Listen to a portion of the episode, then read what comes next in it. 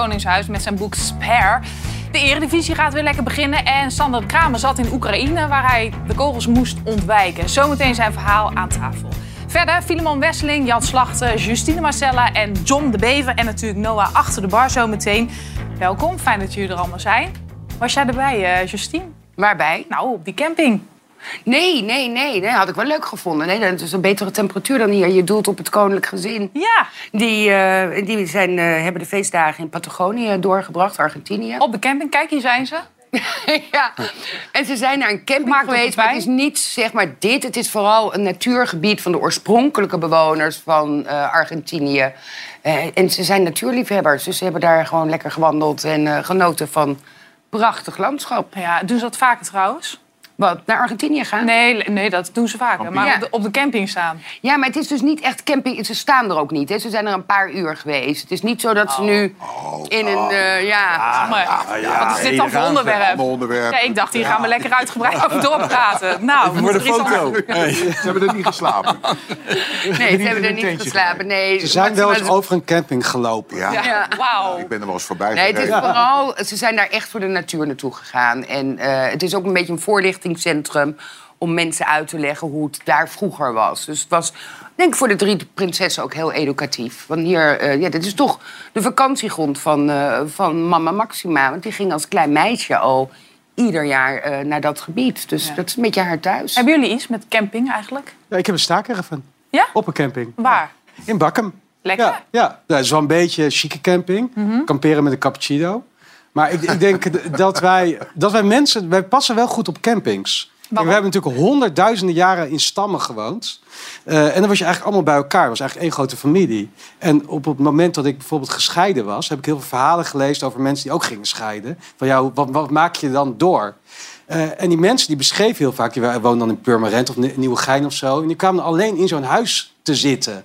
Want die vrienden die, die gingen dan met die man mee of weet ik wat. En die, die bleven heel alleen. Maar als je op een camping zit, wat eigenlijk een soort stam is, hè, dan ben je nooit alleen. Dus dan, dat, heb ik daar ook. Ik heb een programma over stammen gemaakt. En dan zag je ook, dan, dan ging er iemand dood. Of, of er was een relatiebreuk. Maar s'avonds zit je dan wel weer met je vrienden of andere familie. Of ook als je, als je oud wordt. En je, en je, Kijk naar mij ook gelijk. Ja, dat doe jij wel. Jij komt voor, voor bejaarden op. Voor oudere mensen. Ja, maar die zitten dan. Die, dat is dan veel gezelliger voor die mensen. Ja. Want die die blijven niet alleen achter. Want er blijven in onze maatschappij heel veel mensen alleen achter. En op een camping ben je altijd met elkaar. Ja. Dus het is... eh, Maar ik vind jou niet echt een campingganger. Als je niet met je wc-rolletje lekker eh, over... Dat doe ik wel trouwens.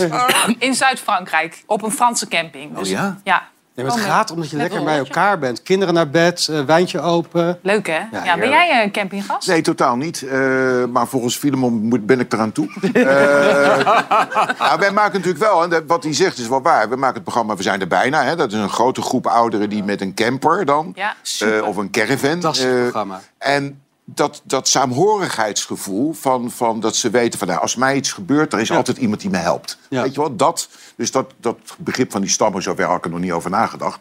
Maar dat klopt wel. Want Ja. het is... eh, en ja, mensen vinden dat... Maar ik zie mezelf dat nog niet doen. Nee. Moet je eens proberen. Het is echt hartstikke leuk. ja, ja. John, heb jij nog overwogen om niet te komen? Om niet te komen? Ja? Hoezo? Nou, vorige keer liep het zo. Ik heb er vijf op, maar die plak allemaal zo. Ik denk, wat een plak is het toch zo met John de haarlak? Bever, je mag de M&M's in de studio niet eten, want ze zijn allemaal ingespoten met haarlak. Nou, dan heb ik... Dat heb ik jou dus... Ik heb er al vijf op, serieus. Ja, Sorry. serieus. Ja, die stond hier, die schaalt. Ja, maar ben je, je bent wel bij stem gebleven, toch? Ik heb graag eh, chocola. Kijk eens. Ik zat elke Hier, keer. voor jou. Nou, dat is wel Zonder haarlak. Maar zonder haarlak. Nou, dankjewel. Toch nog eens. Toch nog eens. Jongens, we gaan het eh, hebben over Harry. Want oh, wat laat hij toch een enorme grote bom ontploffen in Great Britain. Voor de tabloids is dat natuurlijk heerlijk. Maar dit keer waren ze best wel genadeloos. Er zijn meer details bekend geworden uit de autobiografie van de Britse prins Harry. Zijn boek lag gisteren per ongeluk al in de Spaanse boekhandel. Dat was vijf dagen eerder dan afgesproken. De onthullingen zijn sensationeel. Wauw. The Prince of Wales attacked him during an argument over his relationship with Meghan. Zo zou Harry 25 mensen hebben gedood tijdens zijn missies in Afghanistan. cocaïne hebben gebruikt en zou zijn broer William hem aangemoedigd hebben om het beruchte nazi-pak te dragen bij een verkleedfeest. There has always been this competition between us. Het komt nooit meer goed natuurlijk. Hoe schadelijk is dit boek voor het Britse Koningshuis? Ja, je ziet hoe groot is de bom? Extreem groot. Eh, ik vond het eh, interview met Oprah Winfrey destijds een bom. Nou, het is gewoon een clusterbom geworden. Het houdt niet op. Nee. Eh, ze hebben een podcast, ze hebben die zesdelige Netflix-serie gemaakt. En dit boek, het is officieel nog niet uit, maar er is nu al heel veel uitgelekt. Hé, hey, koek, koek, kijk eens. Ta -ta -ta -ta. Nee, dat is een nep. Nee, nee, nee, nee. Dit is hem. Spare. Ik heb hem al gelezen. Jij krijgt hem zo. Gaan jullie lezen? Ga jij het lezen, Sander? Ja, ik ga het wel even lezen, denk ik. Ja? Ja, maar weet je, het is toch een publiciteitsstunt geweest in Spanje. Dat heeft dat Nee, allemaal- waren zeker in Spanje of all places. Nee, dit is, want het was echt een, een heel erg beveiligd. Een beetje zoals Harry Potter. Hè? Bij Harry Potter was ook alles extreem geheimzinnig. Eh, Er was zelfs weinig licht in de fabriek waar die, waar die boeken gedrukt werden, bij de drukkerij. Ja, dat zie je wel. ik heb er gek nou. Het is het boek eh, In Opstand. Maar hij Ja. is wel heel... eh, De geuzen in de lage landen van Heel dik 1565 tot Bijbel. 1578. Die heb ik wel gelezen. Opgevraagd aan Lisbeth. Dus wat dat betreft zou het nog kunnen. Lilibet. Ja. Ja, ik dacht al, nee. Maar het is, het is, nee, het is, ik denk dat het echt voor het marketingteam team wat hierachter zat... die hadden echt helemaal een plan. Het zou over de hele wereld op exact hetzelfde moment uitkomen. Eh, Is dat niet een beetje Ja. wishful thinking? Nou ja, het is met Harry Potter wel gelukt, maar bij Harry... Harry Potter. Ja, maar ook Harry. Harry... Ook een Harry, ja. Ja, ook een Harry. Maar bij deze Harry dus niet. Nee, schrok jij van wat er allemaal... Ik zal even een opzomming geven. Hij heeft 25 mensen gedood. Als tiener meerdere malen cocaïne gebruikt. Eh, Zijn eerste seks was met een oudere dame, niks mis mee. De prins beschrijft het als een... In een veld, achter een pub, Ja, in het open veld. Ja. Ja, nou, en het wordt helemaal beschreven. ook. Nou, overigens Nou, beschrijft hij het wel als een vernederend avontuurtje. Ja. Oké. En William zou Harry, Harry aangezet hebben op het beruchte natiepak. Dat hebben we net gezien natuurlijk. Maar, maar jij was verbaasd of niet? Nou, het, het, gaat, het is heel intiem. Hè? Hij, hij schrijft wat je zegt over zijn ontmaagding. Maar hij schrijft ook dat hij een bevroren lid had tijdens het huwelijk eh, van eh, zijn broer. Omdat toen had hij net in Antarctica eh, 300 mijl gelopen. Hij, ja, ik, weet, ik wil, wil het niet allemaal gaan, weten. Ja. Ja, maar waarom vertelt hij dit? Waarom doet hij dat? Nou, ik snap, er, ik snap er het echt niet. Ik, ik snap dat als je ruzie in een familie hebt, dat je met elkaar aan tafel moet zitten. Dit helpt natuurlijk niet. Nee, als Ja, maar het is ook een verdienmodel, laten we wel weten. Ja. Ik bedoel, Netflix een- documentaire, 100 miljoen. Eh, hier zal die ook eh, menig miljoentje aan overhouden. En ik vind het gek voor iemand die zegt... ik wil in de luwte, ik wil in de schaduw... ik wil niet meer eh Hij wil de waarheid spelen. Ik vertellen. wil gewoon lekker me terugtrekken in Amerika. En dan, hij is meer in de publiciteit dan wel koninklijk van een maar koninklijke alleen familie maar dan ook. met vuile was. En alleen maar, ik moet wel zeggen, in 1994 heeft de toenmalig prins Charles ook een boek geschreven. En daar heeft hij ook wel eh, Het een en ander een en ander verteld over zijn tyrannieke vader, over Ja. de slechte verhouding met zijn moeder en zijn zuster die hem vernederde en de kostschool. Maar dat ging niet zo ver zoals Harry nu gaat. Ja, nou ben jij van de reality, John. Als, jij, nou, als er een boek over jou komt, helemaal niet ondenkbaar natuurlijk. Zou je dan ook alles zeggen? Ja, maar dat, dat komt er niet in dat ik met een oude vrouw heb gedaan. Dat niet. Dat komt er niet in. Dat. Hoe oud was Arnie Schilder? Oh ja, ja, ja. Ja, ja, ja, ja. Nee, en- maar en alle ik denk over Sander zegt, dit is gewoon, ja, dit weten ze, dit doen ze bewust. Dit is heeft Dat met denk geld te maken, anders vertel je zoiets toch niet. Ik zou zoiets nooit vertellen, ja, maar ja, het zal wel aan mij liggen. Nee, ik, ja, ja, kijk, het is sowieso, het is ook in een, iedere familie, denk ik. Je hangt niet over elkaar de vuile was buiten. Maar bij een, een koninklijke familie is dat echt not done. En ze zeggen daar never explain, never complain.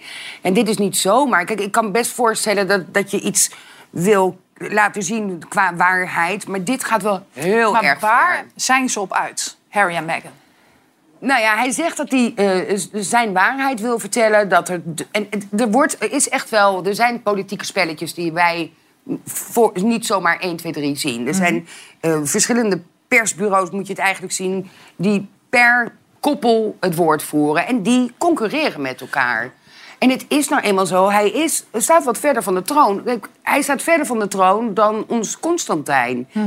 Ehm, maar het is bij ons, denk ik toch, ondenkbaar dat prins Constantijn eh, zo'n boek zou gaan maken. Ik hoorde hem, ik hoorde hem van, van- vanochtend, nee, vanavond op de radio was er een fragmentje daar, waarin hij zegt van ga je naar de kroning toe. Ja, maar dat En dan, en dan zegt hij, ja, als ze excuses aanbieden, aan hem, Ja. dan gaat hij naar de kroning toe. dan kan is hij lang beetje- wachten. Nou, dan kan hij denk ik inderdaad dan. Nou ja, en hij wil aan dat- tafel komen. Dat maar toch- ik denk dat het ook heel moeilijk nu is. Want als je weet dat je, dat je zoon... eh, Want Charles is echt dol op beide kinderen. Ik bedoel...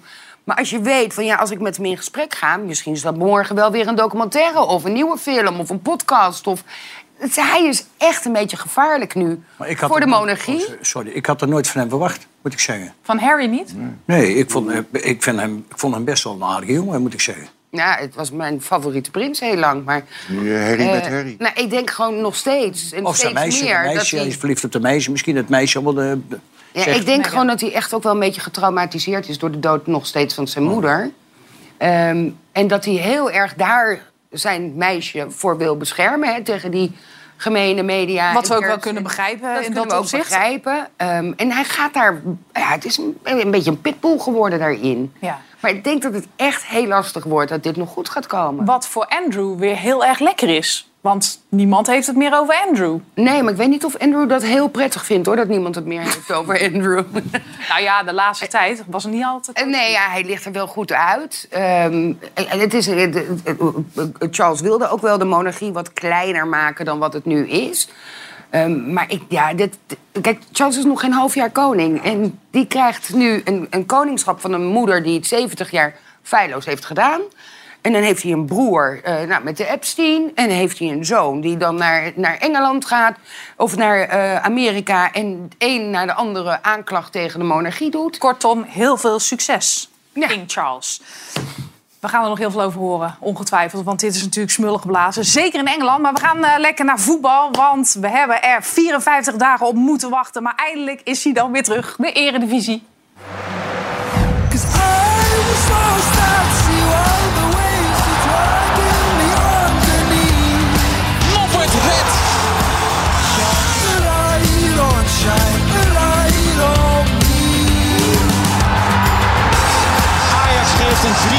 Voorsprong uit handen.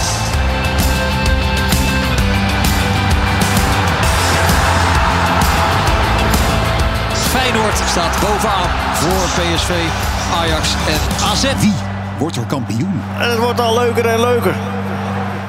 Ja, heerlijk. Ik heb hartstikke veel zin in. Alles is natuurlijk terug te zien op ESPN. Alle wedstrijden uit de eredivisie. Zeg het maar heel kort. Wie wordt de kampioen? AZ. AZ, oké. John?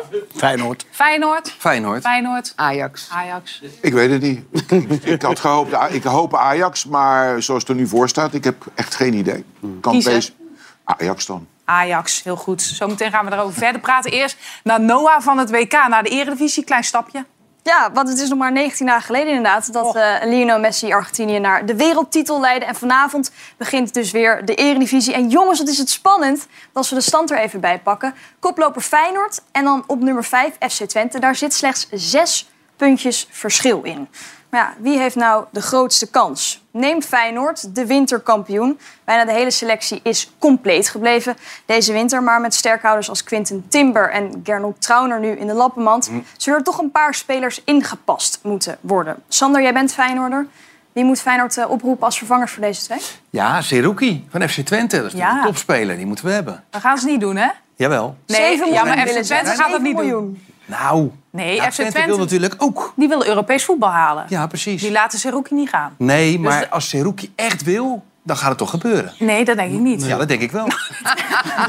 Ik noteer het dit, dit even. gaat een lange avond worden zo, hè? Goed, eh, dan PSV. Want die hebben hun sterspeler Cody Gakpo natuurlijk verkocht aan Liverpool. Daar kwam zo'n 50 miljoen euro bij kijken. En dat is voor PSV, ondanks een volle kassa, natuurlijk wel een aderlating. Want die was al goed voor 13 doelpunten en 17 assists. John, jij bent diehard PSV'er, toch? Nee, dat klopt niet. Jawel. Maar wat is dit? Wat... Nee, ik ben John, wat is dit dan? En Le- PSV is, ik hoop de PSV. Feyenoord of PSV? Ja. Oh, Leg eens dan- uit. oh, we gaan zo beginnen. Eh, nou, ik werd gebeld van energiedirect.nl en ik ben ik meer bij PSV bezig kijken als bij Feyenoord, maar mijn hart ligt bij Feyenoord. Ja, dat was gewoon een snabbel dus. 14, ja, zo'n beetje hetzelfde, ja. Eh, dat ik eh, meer bij PSV ben geweest. Fijn, Maar eh, ik, ja, Van Hanegem is mijn idool. Dus ik ben toen ik 14 was naar Feyenoord geweest. En het is altijd in mijn hart gebleven. Dus ik hoop eigenlijk dat Feyenoord eerst winnen en dan PSV. En de rest vind ik eigenlijk niet zo belangrijk. Maar over PSV gesproken, want Ja, geeft het maar aan. Gakpo weg, is Ja. belangrijk geweest Ja. natuurlijk. Hebben ze eigenlijk daarmee hun titel ingeleverd? Denk ik wel. Dat weet ik niet. Ja. Ik weet niet of Capco, die, of ik, ik weet niet zijn moeilijke naam allemaal, die zal het voor het geld doen. Maar of je bij Liverpool erin komt, weet ik niet. Dat zal ik, wil ik nog wel eens zien. Ja, Maar denk een ander allemaal, verhaal. Hij komt er even in de, in de spits of, in de, of rechtsbuiten. Ik, ik betwijfel het. Ja, maar dat is Gakpo een iets eh, ander niveau. Gakpo wel echt de killer van PSV. Van, PSV wel- maar van Liverpool dat wil ik toch... eh, oh ja, maar PSV heeft, heb ik laatst keer gezien tegen AC Milan. staan wel een vriendschappelijke wedstrijd. Maar speelden ze toch vrij goed. Noni. Madueke was Ja, ja ontzettend speelde, goed. speelde, dus PSV speelde goed. En eh, ja, Maar het is wel een beetje glazen huis, Noni Madueke. Is vaak geblesseerd. Kun je niet altijd opbouwen. Maar goed, daar gaan we heel erg dieper op in. Noah, ga maar verder. Ja, want tot slot de Ajax. En het rommelt als van ouds in Amsterdam. Er is kritiek op het technische beleid, er is kritiek op de trainer. En kind van de club, Daley Blind, is transfervrij vertrokken naar Bayern München. Maar het lichtpuntje van de week is toch wel het feit dat er een wereldkampioen naar Amsterdam komt. Althans, de reservekeeper van de wereldkampioen, Geronimo Rulli. En als je denkt, Ajax, die man is 30 jaar, investeer eens een keer in een jongere keeper. Nou, dat hebben ze gedaan, want hij is 9 jaar jonger dan de huidige keeper. Ja, over Ajax gesproken. Hoe groot is de druk, denk je, Josien? Want jij bent echt een Ajax-ziet. Ja, maar het is niet zo dat ik alle wedstrijden kijk. Ik heb de WK heb, heb ik heel veel gekeken. Ik moet wel eerlijk zeggen, heel soms met voetbal... dat eh, al die mannen kijken en dan hebben wij eh Chez Justine. Dan is mijn eh, huiscafé open voor mijn vriendinnenclub. Dus, eh, en dan hoor ik later wel van de mannen hoe het zit. Ja, want Jan eh Schreuder staat enorm onder druk. Ja, nou, ik, al die namen die hier voorbij vliegen, daar weet ik allemaal niks van. Ik, ik kan heel moeilijk namen onthouden, dat sowieso. Maar wat ik wel mooi vind, is dat Danny Blind naar Bayern München gaat. Ja. Ik ook. Ja, en dat hij de kans heeft om, om gewoon de Champions League te winnen. is toch een dat beetje is wel een een lange neus. dikke neus. Ja, dat, dat vind- en dat gun ik hem zo. toch want- wat als hij daar in de basis gewoon staat? Ja, maar het feit kan je dat... toch dat bijna niet voorstellen Jawel, dat hij daar dan echt goed gaat spelen? Ja, maar hij dat- dat- dat dat- lijkt me echt wel verschrikkelijk om te zien. Maar, maar, toch? maar, Filemon, jij zegt verschrikkelijk om te zien. Ik vond Daley Blind een van de beste van Ajax. zo, Ja, nee, is- daarom. Hij heeft heel veel geleverd Mijn aan kinderen Ajax die, die dromen Ajax. En, en, die, en als hij dan het bij Bayern in één keer wel heel goed... Hij zat op de bank en dan gaat hij daar heel goed spelen. Dat is Schreuder zijn schuld natuurlijk. een, Schreuder heeft gewoon... eh, hij Ja, en ook, die en ook de supporters hè, die hem hebben uitgejouwd. En, en applaus als hij werd vervangen. Ik bedoel, ik, ik gun het hem echt. En ik hoop Ik dat ook. hij de echte sterren van de hemel gaat spelen. Hoe dan ook, Ajax onder druk. Schreuder met name natuurlijk onder Ja. druk. Spelen hun eerste wedstrijd uit bij NEC. Dus eh, ze kunnen aan de bak. Zeker weten. En Dat die zondagmiddag, moet ik zingen. Maar jij, en vanavond al bij NAC. Jij Ja, moet even vanavond wel NEC. zingen. En heeft dus hij ik heb, NEC-trui aan, hè? Ook zo'n kersttrui. Ander truitje aan. Waar zijn snabbel is, daar is hij voor. Ja. Hele auto vol met truien. Heb jij nog een manager nodig? Die zit daar, hè? Die, eh, Noah. Tot slot, eh John, je noemde nog even Willem van Hanegem. Die werd namelijk vandaag gevraagd naar wat vind je nou van die transfer van Ronaldo naar de zandbak. Nou, hij werd er zelfs een beetje emotioneel door. Je hebt alles wat je, je hartje bezeert. En dan ga je daar naartoe om nog eens eh, zoveel geld te... Terwijl, en zeker in deze tijd... Ja. Ik zit bij, van de week zit ik bij een, een, eh, zo een of andere winkel en daar haal ik eh, wat citroenen. En dan zie ik twee oude mensen en dan kijk ik zo wat ze hebben gekocht. En dan hebben ze zo, zo hele goedkope worst die helemaal in elkaar draait, Ja, weet je ja, niet? Ja. Dan denk ik, ja, en dan denk je wel eens, dan denk ik, die gasten die sterven allemaal van de poen. Ja. En dat, dat vind ik niet erg, ze mogen van mij geld verdienen. Maar als je dan allemaal om je heen kijkt, dan denk je, hé, hey, kom op. eh. ja.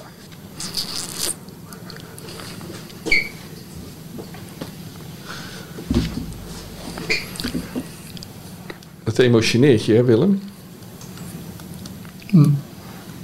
Wauw. Ja, mooie daar- beelden, toch? Daarom is mijn idool. Ik, Ja, ik spreek Willem ik. vaak, dat mag je dus weten. Maar Willem heeft zo'n hartje, is gewoon, ja, volksjongen. Daarom, ik was Feyenoord supporter door hem en ik heb hem altijd maar hij is als zichzelf. En wat zou hij waard geweest zijn, Johan Cruijff, Oh, in deze tijd? ja. Die waren niet te betalen. Die konden tien klassen beter voetballen als Albert en voetbalt. Buiten Messi. Oké, Jij dat is nog een uitspraak.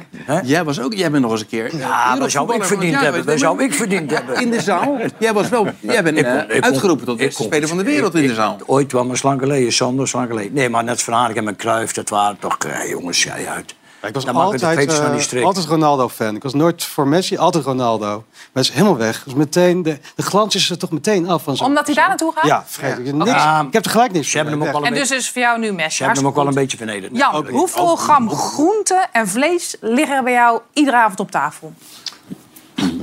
Weet ik niet, ik heb geen weegschaal. Maar eh, ja, toch minimaal 150, 200 gram, denk ik zo'n beetje. Ja? Ja? een biefstukje is toch ongeveer 150, Nou 200. ja, oh jij een Ja. stukje iedere avond? Nou, niet iedere avond, maar als die er ligt. Want wij, eten wel minder vlees. Ja. Oh. En, eh, en ook groenten. En, en, en ja, gewoon nagelang je er gewoon trek in hebt. Ja. Soms laat ik het ook liggen. Eh, en dan, dan krijgt een hond een stukje.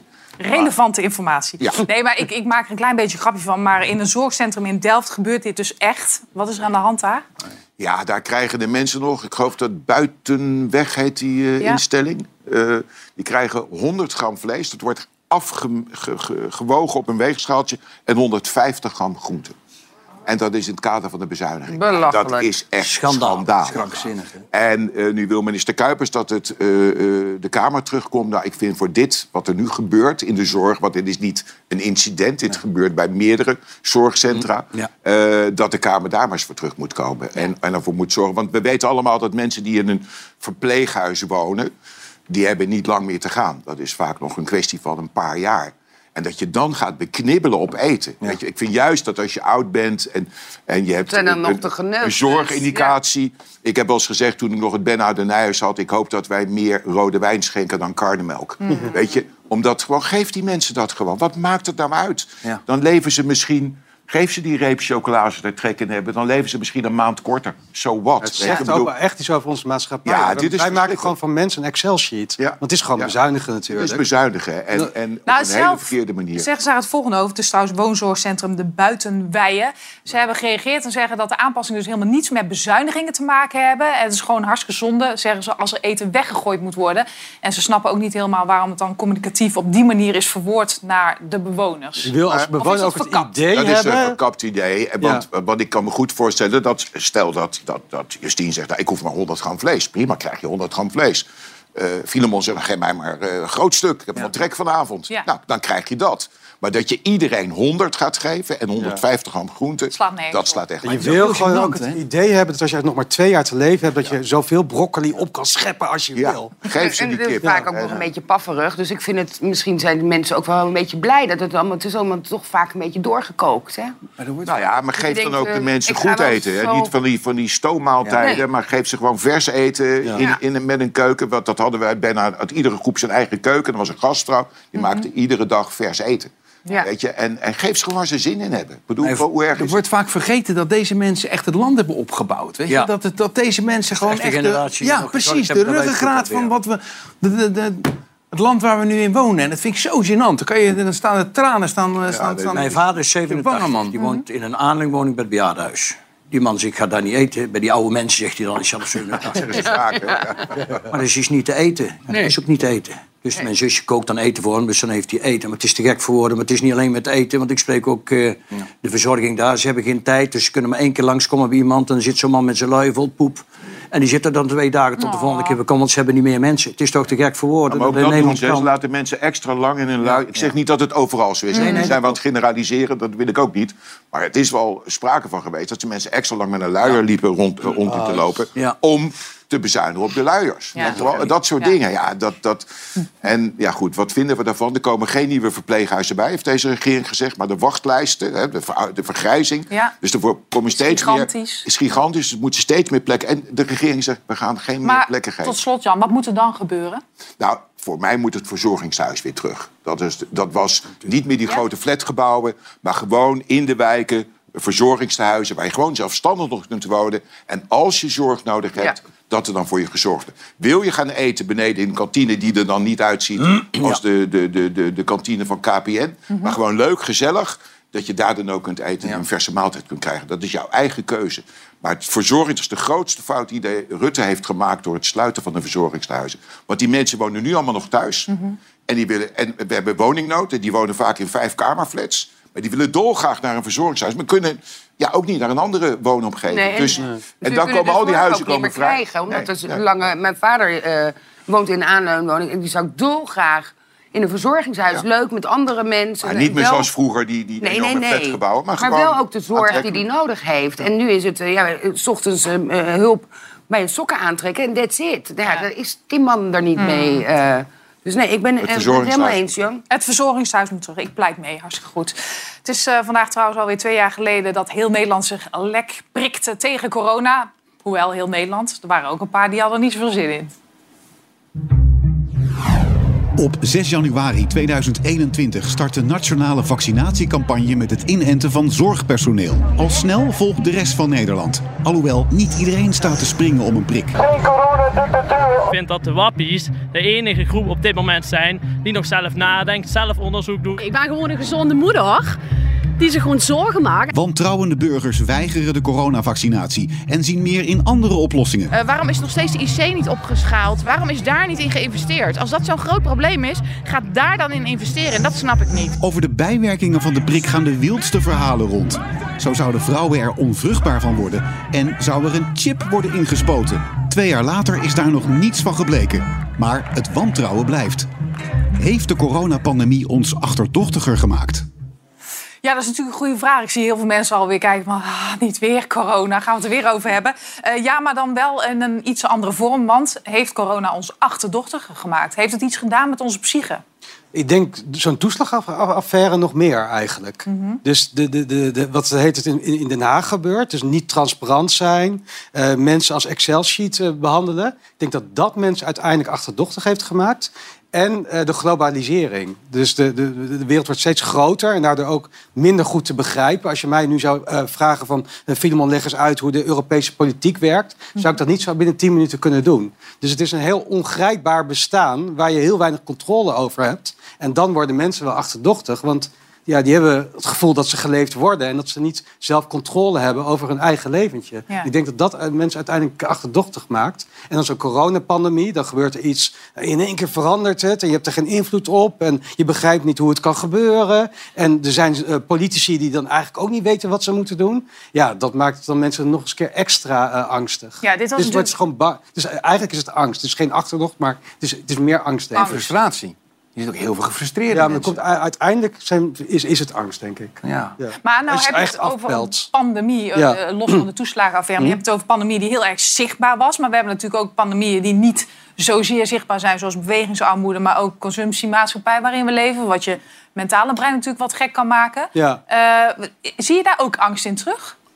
Of minder? Nou, het, het zijn eigenlijk alle dingen die wereldwijd eh, verspreid worden. Die, ik, ik heb die groep gevolgd voor, voor twee series, Ja? Filemon en de complotten. En dan ging het over al die dingen die, die, die wereldwijd eh, uitgerold worden. Dus dat kan ook 5G zijn bijvoorbeeld. Of eh, het bankaire systeem wat wereldwijd aan elkaar zit. Of nou ja, dus zo'n pandemie. Dat, dat zorgt voor mensen, bij, bij mensen voor, voor, voor angst. Ja, want jij kwam op een gegeven moment in je documentaire deze man tegen. Je bent tegen die vaccins en tegen al die maatregelen. Ja. Zit daar denk je iets achter waarom ze dat allemaal ingevoerd hebben? Ja, je bent redelijk te sturen als je, als je ingespoten bent. Laten we het daarop houden. Wat bedoel je daarmee? De vogels die doodvielen op de A2 afgelopen week. Dat heeft gewoon met 5G te maken. 5G kunnen ze aan en uitzetten. Oké. En dan zeg ik niet dat ze de knop om gaan draaien om de mensen uit te schakelen. Absoluut niet. Maar met het goedje wat in je lijf gespoten wordt, ben je wel stuurbaar. En dan ook nog eens een keertje alle bijwerkingen die erbij eh, komen. En hebben we het nog niet eens over de doden die er door vaccin- vaccinatie gevallen zijn. Dus ja, nee. eh, Zijn er wel eens complotten geweest die jij... eh, want je hebt er heel veel mensen gesproken... die je geloofwaardig bent gaan vinden? Waarvan je, Nee, ja, ik ben, was ook helemaal niet gevoelig voor. Nee? Nee, nee. nee ik, ik heb geaccepteerd dat de wereld vol mysteries zit die ik niet begrijp. Eh, en die ik ook niet kan begrijpen. Eh, ik bedoel, een vriend van mij is natuurkundige. Als hij vertelt over wat hij doet, begrijp ik er ook niks van. En dat heb ik geaccepteerd. En dan ga ik met je achterover en denk, nou ja, ik begrijp het allemaal niet. Maar er zijn heel veel mensen. levenshouding. Ja, ja, heerlijk. Ja. Ga lekker op de camping zitten. Maar er zijn dus mensen die daar, die daar heel slecht tegen kunnen. Dus die willen dan antwoorden hebben. En die gaan zoeken op YouTube. En op YouTube vind je op elke vraag vind je een antwoord. Eh, en dan kom je in een soort scene terecht waar iedereen, eh, ja, waar, waar, waar de ene vraag weer opgeworpen wordt. Er komt ook weer een antwoord op. En dan kom je zo van de pandemie, kom je in 5G terecht. En voor je weet zit je in de oorlog eh, in, in Oekraïne. Eh, en daar, op YouTube, hebben ze op alles een antwoord. Dus dat is heel Facebook ook. veilig. Facebook, Of Facebook, ook, dat ja. je in dat algoritme Ja. zit. De, en, je Ja. komt er, en je komt er bijna niet meer uit. Hebben jullie wel eens eh, getwijfeld aan de oprechtheid van de overheid... tijdens deze coronapandemie? John? Ja, ze zeggen dat ik moet gaan prikken. En ik ga ervan uit dat de dokters die daar zitten, dat die er verstand van hebben. Dus ik heb me eigen laten prikken. Ja, mijn vader, niet die 87, die, eh, die heeft, het niet, ge- die heeft toch wel een beetje ziek geweest. Maar die is eigenwijs, ouderwetse generatie. En ik zeg, pap, laten wij naar prikken. Nee, ik heb een griepspuit gehad, ben ik ook doodziek. Ik zeg, ja, dan niet. Dan kan ik die man niet verplichten natuurlijk. Maar ik heb het allemaal, ik heb het allemaal gehaald. Maar jij gelooft dus in de oprechtheid van de overheid? Nee, dat heb ik, eh, ik ben niet zo politiek, maar ik geloof al twintig jaar niet meer eh, in de, in de politiek. Nee, dat is... eh, En daar geloof ik ook niet zo in hoor. Nee? Nou, sommigen zullen oprecht zijn, sommigen Ja, niet. ja. Maar het was ook Maar, eh, onwetendheid. Hè? ja. Ik bedoel, als Ja. je zag hoe zij eh, die persconferenties leidden... Ja, dat, ze, ze hadden meer vragen dan dat ze antwoorden Ja, hadden. ja. En, en die hadden wij natuurlijk ook. Ja. En zeker in het begin, toen we al die beelden zagen vanuit Spanje en Italië... en al die kisten op straat, had ik ook zoiets van... dit is het einde van de wereld, weet je wel. Dit, dit, dit is... En later werd dat milder en je zag ook hen worstelen. We kunnen dat ook hen niet kwalijk nemen. Ik Nee. vind, bedoel, er zijn fouten gemaakt, grote fouten gemaakt... Maar toen op dat moment, toen had ik wel zoiets van... ja, ze weten het zelf ook niet. Nee, maar er waren ook heel veel dingen die waren heel onduidelijk, Jan. Ja. Zoals bijvoorbeeld die mondkapjes. Eh, Iedereen om ons heen had mondkapjes. Duitsland, eh, Spanje, Frankrijk, België. En wij niet. Ja. Ik Ja, snap hetzelfde het met, allemaal met, niet. met China nu. Er, waren al een paar landen die zeiden... nee, ze moeten allemaal een, een, een testbewijs hebben. En nu gaan wij ook, na een week... want er zaten gewoon vliegtuigen waar 50% van de mensen... die waren besmet. Die Te kwamen laat dus? Te Maar mijn. Ja, dan- onderbuurman, dat is echt zo, mijn onderbuurman heeft 14 dagen in het ziekenhuis gelegen. Die moesten ze op zijn buik leggen, die hebben ze in coma gebracht. En zijn vrouw ook, dus die kon geen afscheid nemen. Maar die kon niet zeggen of hij nog terugkwam. Die kon, kon, want die mochten niet met elkaar in het ziekenhuisbed komen. En die zou kunnen overlijden. Als je nog één dag langer zuurstof had gekregen, was je, over, over, ah, was je overleden. Ja. Ja, toen dacht ik, ja, er zal toch wel iets zijn. En dan kan het zijn met de griep. De ene pakt het harder aan als met de ander. Kijk, de ene krijgt koppijn. Of hoofdpijn, eh, Brabants hoofdpijn.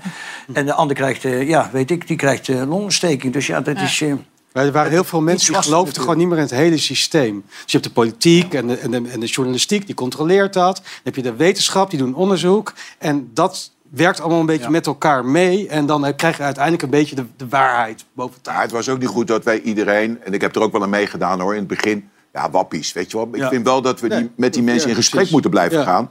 En, en gewoon, gewoon een goed gesprek, weet je wel. En niet mensen neerzetten van jullie zijn gek. Nee. En, en dan krijg je nog meer extremisme. Dus ik vind wel goed, dat, het is ook de taak van ons als media... om daar goede voordelen... en ook die mensen ook het woord te geven... en dat ze ook een zegje mogen Ja, maar Maar dat, hebben, wel iets, eh, dat ook- hebben we niet zo goed gedaan, hè? dat hebben we niet goed gedaan. Nee, maar we doen wel meer dingen niet zo goed als, eh, als media. Is dat zo? Dat is... eh, Ik heb, ik heb het wel Jij, gedaan, hè? ja, jij, Ja. jij bent een van de weinigen. John, eh, jij kon natuurlijk helemaal niet optreden. Maar je had wel een knijter van een hit.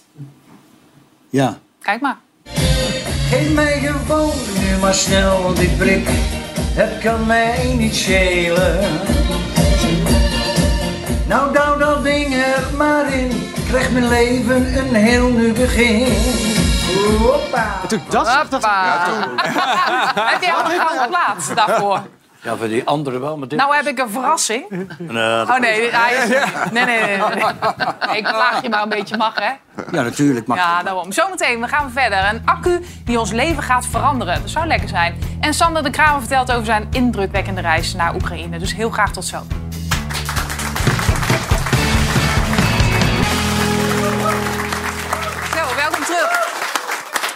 auto's, op rolbare tv's, maak er even een voorstelling bij. En accu's die binnen een paar minuten zijn opgeladen. Je kan het zo gek niet bedenken of het wordt dit weekend gepresenteerd bij de grootste techbeurs van de wereld.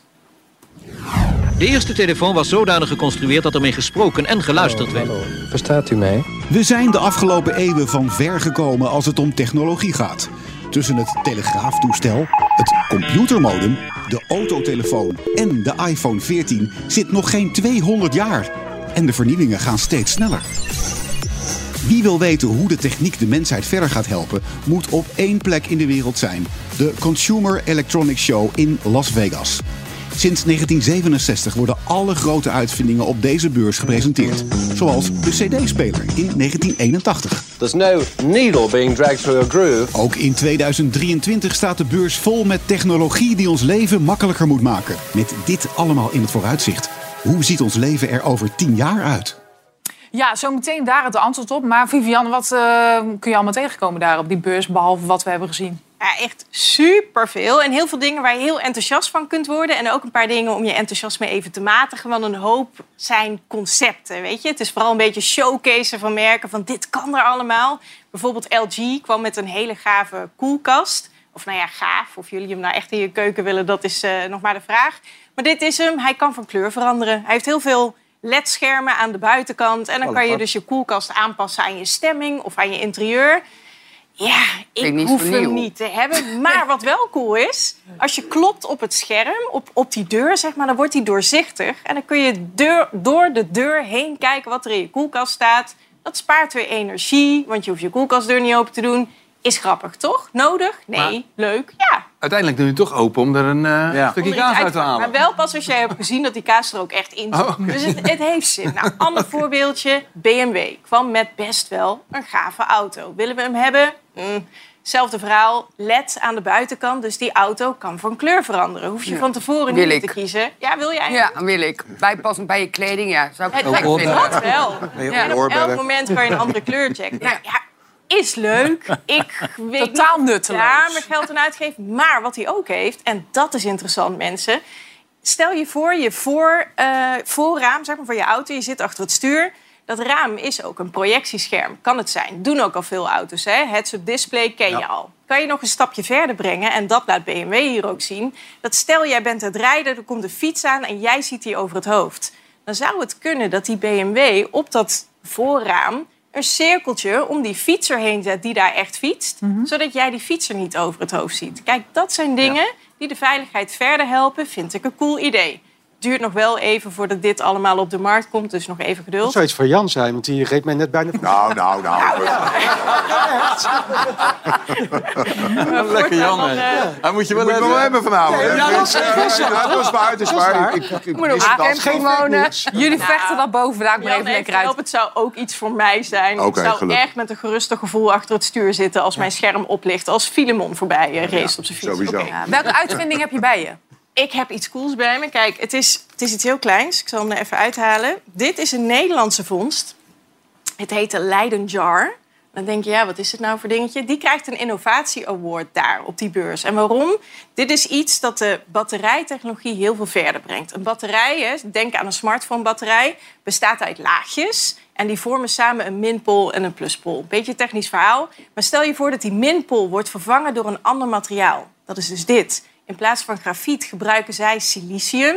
En dat heeft een mega energiedichtheid die ervoor zorgt dat een batterij in vijf minuutjes straks opgeladen kan zijn, maar ook veel langer meegaat. En dat is weer interessant voor de auto-industrie. We willen straks allemaal elektrische auto's. Wat zeg ik? We moeten straks allemaal elektrische auto's. 2035 geloof ik. Met dit zou het zomaar kunnen dat je in één keer doorkrost naar Parijs op één en dezelfde batterij. In vijf minuutjes die batterij oplaadt en teruggaat. Het is allemaal helemaal super, maar ik denk meteen, oh, oké, Is het nog verder afhankelijk van eh, China. Want uiteindelijk komen al die grondstoffen natuurlijk uit China. Nou ja, kan, kan wereldwijd ook wel gewonnen worden. Silicium kun je uit zand winnen. Dus op zich, hm, nou ja, het zou kunnen. We zijn er nog niet trouwens, want dit materiaal heeft als nare eigenschap... dat elke keer als je het oplaadt, zet het uit. En bij dat uitzetten ontstaan er scheurtjes. Doe dat een paar honderd keer en je batterij is op. Dus Leidejar heeft echt nog wel wat werk te verzetten voordat we zover zijn. Maar hey, technologie gaat supersnel. Geef het een paar jaar. Denken jullie trouwens hier aan tafel dat straks de hele wereld wordt geleid door robots? Gebeurt natuurlijk in het ziekenhuis al. Denk jij is, dat? niet, Dat, is niet te open. dat ze het overnemen, de robots? Dat is niet te open, want er staat niks meer aan. Bij mij thuis mag het. Want? Goedenavond. Oh, wat is dit? Mijn naam is Helena, de nieuwe presentator van half acht. Helene is een aardige vrouw, maar ze bakt er natuurlijk vrij weinig van. Ze kon best aardig hockeyen en van voetbal weet ze ook wel het een en ander, maar een talkshow presenteren is helaas iets wat zij niet beheerst. Ik wel en daarom ben ik vanaf maandag jullie nieuwe talkshow-host. Nou, dit lijkt me uitstekend. dit is nieuwe technologie. Ja, kijk, en, en, en dit is een beetje een grapje natuurlijk, hè? Want je hoort ook echt Oh, ik wel aan het mensen- serieus was. Ja, nee, nou ja, ik, ik dacht dat het een grapje was, sorry. Nou, we gaan het maandag zien. We zitten allemaal voor de buis om te kijken wie hier dan half acht presenteert. Maar je hoort aan haar stem, dit is kunstmatig. En die avatar die je ziet, is ook kunstmatig. Maar als je ziet hoe snel technologie zich ontwikkelt, hier verwacht ik het allermeeste van.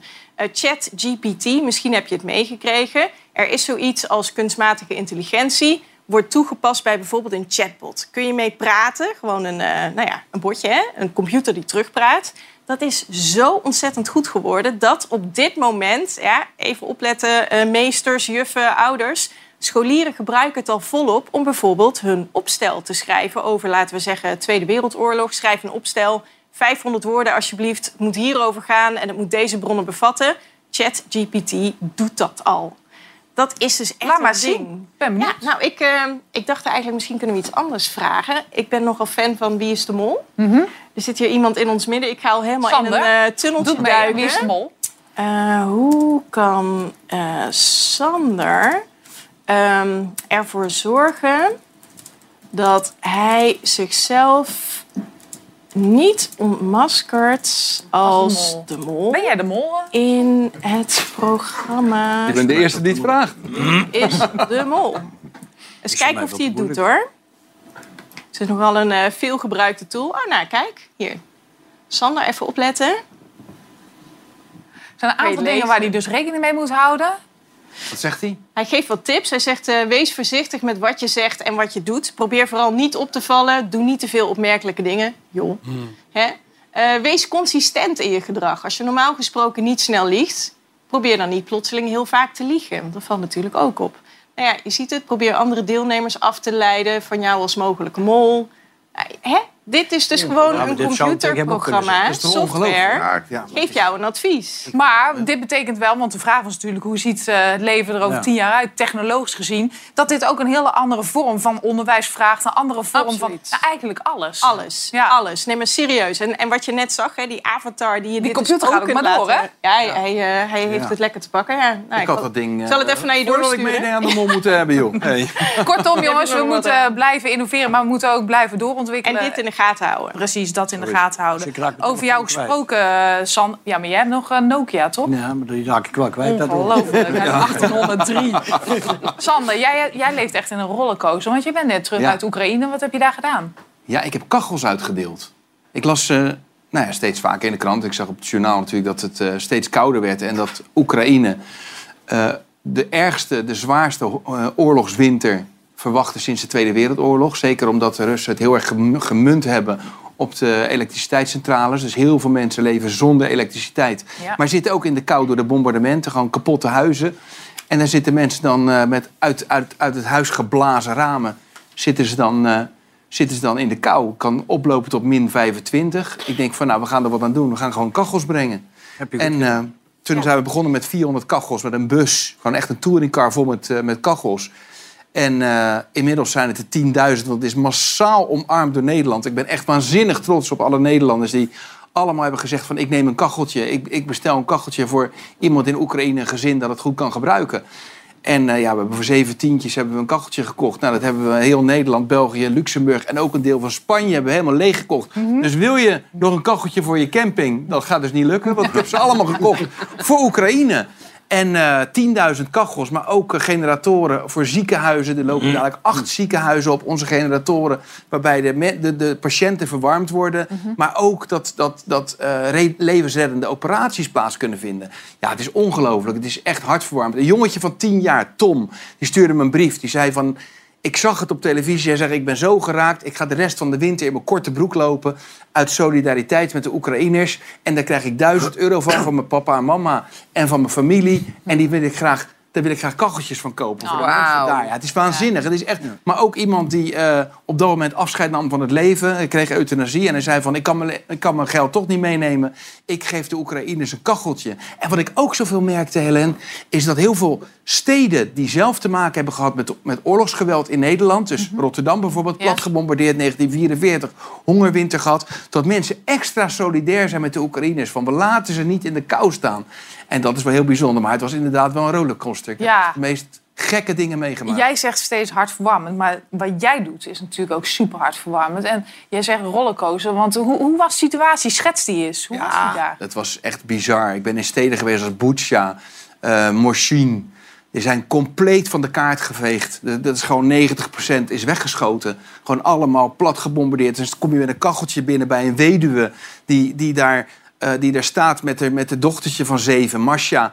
En die zegt tegen me van... En die begint te huilen. En ik kom nederig binnen met het kacheltje. Want ik denk, ik kom maar een kacheltje brengen. En ze begint te huilen. En ze zegt, het is meer dan het kacheltje. Mhm. Je komt eigenlijk laten zien dat we niet vergeten zijn. Dat er aan ons wordt gedacht. En dat gaf me echt het kippenvel op mijn trommelvlies. Dat was zo bijzonder. Ja, wat je hier ook ziet, het was een van de laatste raketaanvallen op Kiev. Eh, de Russen die wilden eigenlijk de elektriciteitscentrale die erachter lag raken. Het kwam in een volkswijk terecht, alles was weggeblazen. En er stond een mevrouw, Hanna, die ik sprak. En alles was weg. Ze had zichzelf over de kinderen heen gelegd om zichzelf op te offeren en de kinderen het leven te sparen. De bovenbuurman is overleden. Haar eh, zoon heeft er been daarbij verloren. De kinderen hebben het gered en zij zit helemaal onder de littekens. En ze zegt, waarom doen de mensen dit? Ze hebben hetzelfde geloof als wij. Ze spreken dezelfde taal als, zij, als wij. Ze zijn onze broers en zussen. En toch willen ze ons doden. Wat is dit? En daar heb ik ook geen antwoord op gekregen. En om antwoord te geven op jouw vraag, in Gerson was het echt krankzinnig. Echt alleen maar op burgers gericht. Ik kwam daar binnen gereden en op dat moment was er een enorme raketaanval. 10 doden en 68 gewonden, als de cijfers kloppen. En eh, ja, echt overal lagen, lagen gewoon lijken, gewoon oude mensen op de, op de grond. En die waren, die waren dood. En, eh, en op dat moment kwamen er weer nieuwe granaten over. En moesten we letterlijk echt, echt, echt duiken voor ons leven. Ja, we echt wat beelden daarvan. Eh, Dan krijgen we een beter zicht eh, in hoe dat... Nou ja, er wordt gewoon. Je, de, de, je hebt zeg maar de, de, de, de Dnipro, dat is een rivier. En aan de andere kant, in Gerson, dat is een gebied geweest van Rusland. Daar schieten ze de hele tijd met mortieren, met granaten, met mijnen naar de overkant. En ik stond daar op een eiland waar de mensen leefden. Letterlijk. Het hele gebouw had geen ramen meer. Het zat helemaal vol met, met, met scheuren en met gaten. En die hadden al meer dan een maand geen elektriciteit. En er staat dan een mevrouwtje, die woont op de zesde verdieping. Die is nog nooit al een maand niet naar buiten geweest. Omdat natuurlijk ook de lift het niet doet. Die zit in de kou. Even kan kijken, oplopen daar Even kijken hoe dat ging. Ja. Dit is eigenlijk de gevaarlijkste plek. Je hoort nu ook, je hoort ook de bommen slaan. Je hoorde hem. Omdat de Russen hier precies achter zitten en de hele tijd bommen gooien en raketten hier naartoe gaan. We come to bring everybody who is in cold, we come to bring them heaters. There's at least something that we can do. Ja, ik zie jou weer schrikken als je dat inderdaad hoort. Ja, maar het bizarre is, kijk, ik ben daar dan op dat moment een week.